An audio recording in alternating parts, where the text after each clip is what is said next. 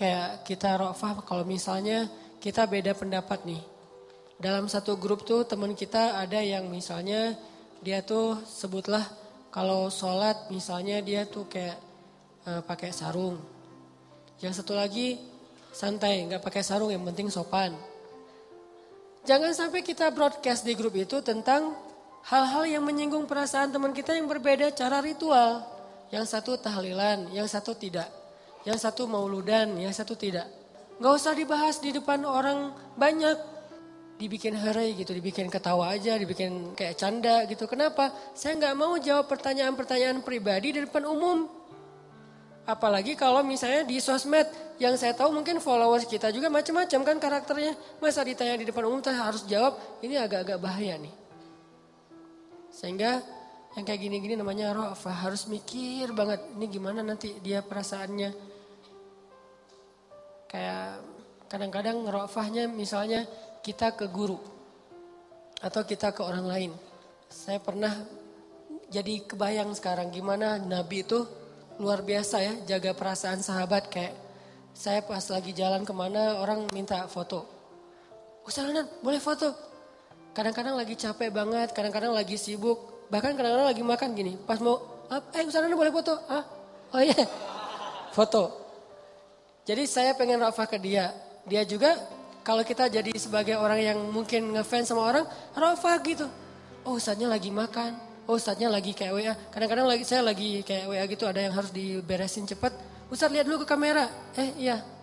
Ustadz ntar lagi nih tadi blur apa segala macam. Ini kan rafah. Saya kebayang, bayangin. Saya tuh masih bisa nolak kadang-kadang. Maaf ya jangan foto sekarang. Maaf ya saya lagi sibuk. Maaf ya lagi makan atau apa maaf ya lagi bete. Misalnya bisa gitu kan ya. Tapi kalau Nabi nggak bakalan. Saking rofahnya Nabi. Saya kagum sama rofah Nabi. Seandainya Nabi hidup di zaman kita sekarang. Pasti banyak banget kan yang pengen foto sama Nabi. Kadang-kadang ada DKM di beberapa kota nih kalau saya keluar kota. Kan kita coba kondisikan sewajar mungkin. Boleh foto tapi kalau udah terlalu rame kan jadi nggak maksimal ya. Saya kadang-kadang mau ceramah tapi yang ngajak fotonya rame jadi udah nggak nggak nggak kondusif ditahan. Kadang-kadang ada beberapa DKM, inisiatifnya bagus. Siapa yang pengen foto semua Hanan? Silakan baris. Hah? Siapa yang nyuruh nih? Akhirnya baris panjang. Ustaz itu di, di luar banyak yang pengen foto. Udah diatur sama dia. Kan ini luar biasa ya. Buat saya yang sekarang dalam kondisi yang orang pada ngajak foto tuh lama-lama capek juga gitu. Saya kebayang Rasulullah kalau hidup di zaman sekarang pasti nggak akan nolak kalau orang ngajak selfie. Nabi boleh selfie? Boleh. Nabi boleh selfie? Boleh. Nah, pasti boleh, pasti boleh. Nggak mungkin Nabi jawab nggak boleh. Terus gimana dong kalau Nabi udah berat? Allah yang akan jadi manajernya Nabi itu. Nggak boleh.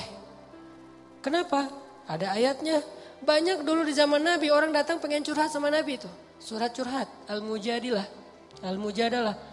Nabi saya pengen curhat. Nabi terus ngantri itu pengen curhat sama Nabi. Sama kayak ngantri pengen curhat ke, ke Ustadz gitu. Banyak banget. Dan Nabi kan juga butuh waktu sendiri untuk istirahat, untuk keluarga gitu kan. Cuma Nabi tipe orangnya nggak bisa nolak. Nabi boleh curhat, boleh. Nabi boleh curhat, boleh. Nabi boleh curhat. Terus aja lewat japrian, lewat telepon, ketemu langsung. Semuanya pengen curhat sama Nabi. Akhirnya karena Nabi orangnya nggak bisa nolak, Allah turunkan ayat. Kalau kalian pengen curhat sama Nabi, sedekah dulu. Sampai di kayak bahasa kita mungkin lebih ke dikomersilkan. Bukan Nabi pengen, bukan. Cara Allah menghentikan orang-orang yang curhatnya nggak penting. Curhatnya, Nabi saya pengen punya apa? Alhamdulillah istri saya baru hamil, boleh minta nama. Mungkin penting buat dia, tapi kan kalau jadi terlalu banyak kan lumayan juga buat energi Nabi kan ya. Padahal agenda dakwah Nabi banyak nih. Akhirnya Allah bikin ayatnya, walaupun itu ayatnya mansuh, sudah dihapus. Tapi ayatnya masih ada hukumnya yang dihapus di surat Al-Mujadilah kalau kalian pengen curhat kepada Nabi, sedekah dulu. Sejak harus bayar, kalau mau curhat sama Nabi, mulailah berkurang orang yang curhat. Tadinya yang curhat banyak banget nih, sejak berbayar, udah nggak lagi. Sekarang kalau curhat, registrasi dulu. Satu curhat, Nabi juga bingung berapa ya, berapa ya. Nabi nanya ke Ali, Ali berapa? Kata Ali, satu eh, genggam gandum ya Rasul. Satu genggam gandum itu kurang lebih sekitar tiga ribuan lah. Tiga ribu, Kata Nabi, ah kamu mah zuhud banget kata Nabi. Akhirnya ditetapkan sekian yang angka itu bikin orang kalau nggak penting-penting amat males lah curhat. Kalau penting banget dia akan bayar dan Nabi juga buat untuk dirinya disedekahin lagi buat fakir miskin itu pernah berlaku loh. Baca nanti surat Al-Mujadilah. Setelah udah kondusif, baru hukumnya dicabut sama Allah. Jadi Allah yang nge-manajerin Nabi, saking Nabi itu rafah, nggak enak nolak. Nabi itu bukan tipe orang yang bisa nolak orang lain. Kalau ada yang minta sedekah ke Nabi atau datang minta bantuan ke Nabi, nggak pernah Nabi nolak, nggak pernah sama sekali. Kalau Nabi nggak bisa bayar apa bantu dia, nggak bisa ngasih ke dia, Nabi nggak akan berhenti di situ. Nabi akan pegang tangannya, ngajak dia nyari ke orang lain yang bisa bantu dia. Maaf saya nggak bisa bantu apa-apa, ya udah yuk saya temenin nyari ke tempat yang lain. Ada yang bisa bantu dia, ada yang bisa ngasih dia makan, ada yang bisa ngasih dia tempat uh, tinggal malam ini, ada yang, sampai ketemu baru Nabi tinggalkan dia. Ini rofahnya Nabi pengen jaga perasaan. Sampai-sampai sering menyulitkan diri beliau sendiri.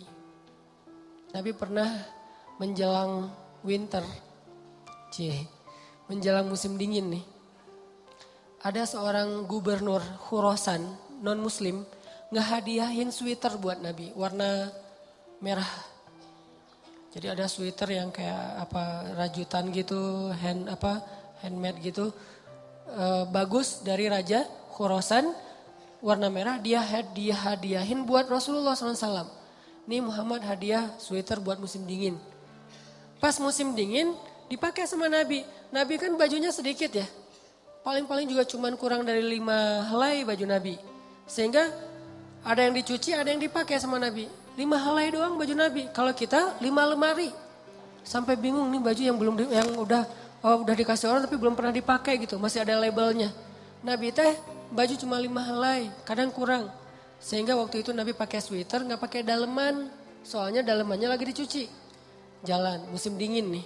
Di Arab juga kalau lagi musim dingin di bawah 10 kan, dingin banget. Apalagi sekarang udah bersalju kalau sekarang mah. Keluar rumah, musim dingin, pakai sweater. Dilihat sama seorang laki-laki badui, badui itu mungkin orang jalanan lah yang mungkin secara bahasa juga kasar eh Muhammad bagus banget sweaternya, baru ya? Ya kata Rasul, Alhamdulillah, boleh saya minta? Oh boleh, boleh. Langsung dibuka sama Nabi dikasih ke dia, coba. Karena Nabi bukan tipe orang yang bisa nolak, gak enak mau nolak, gak mau kecewain orang. Boleh saya minta? Boleh. Dibukain sama Nabi, Nabi pulang menggigil, kebayang gak tuh? Puncak musim dingin, buka sweater, gak pakai baju, pulang menggigil. Dan dia tuh tega banget ngeliat Nabi kayak gitu, sampai sahabat marah sama dia. Eh kamu tega banget sih sama Rasulullah. Kalau kamu butuh baju minta aja ke kita. Kata dia apa? Bukan bajunya sih yang penting kata dia. Ini bekasnya Muhammad dan berkah. Saya mencari berkahnya bukan pakaiannya. Kalau pakaian yang kalian lebih bagus tapi saya nggak butuh. Akhirnya mereka udah nggak bisa komen lah, speechless lah. Nabi pulang gemeteran, dingin. Sampai di rumah dilihat sama Aisyah, kenapa ya Rasulullah? Enggak, enggak ada apa-apa, ada baju lain. Ini masih basah, gak apa-apa dipakai sama Nabi sambil selimutan. Kenapa? Ngasih buat orang yang meminta. Karena Nabi keseringan kayak gitu, Allah yang jadi manajernya Nabi. Gimana cara Allah jadi manajer? Ada yang datang ke rumah, Nabi boleh makan di rumah Nabi, Gak apa-apa kok kita buat ram. Pada bawa makanan sendiri gitu kan, datang ke rumah Nabi. Ya, ya, ya, karena Nabi nggak bisa nolak kan. Saking rofah banget